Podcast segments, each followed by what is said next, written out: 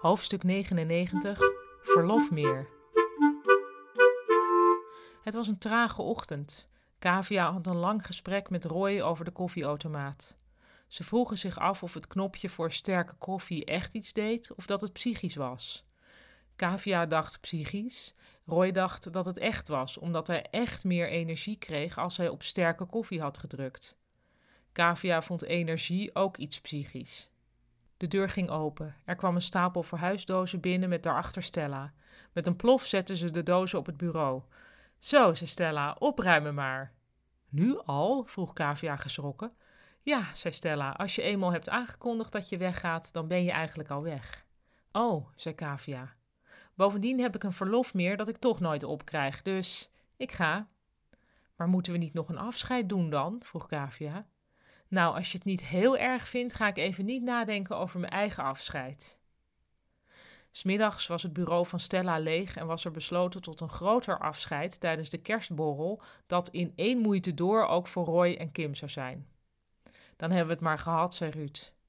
In mineur over alle veranderingen liep Kavia door de regen naar huis.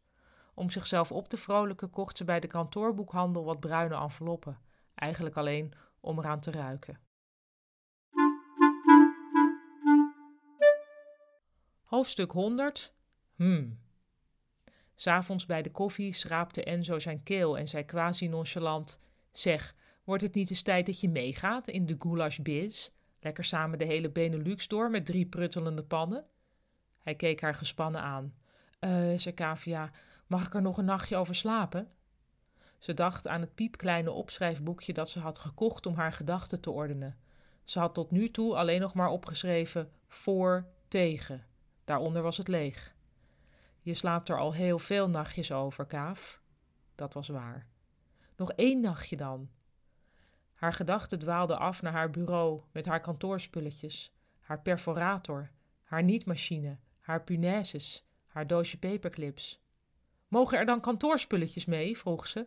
Want als ik meega in de goulashbus, ik zeg als, dan heb ik wel behoefte aan iets van een kantoorsfeer.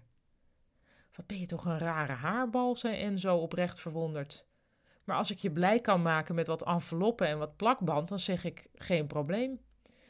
Hm, zei Kavia. Is dat een ja? vroeg Enzo. Nee, dat is een hm en dat betekent dat ik er dus nog een nachtje over slaap.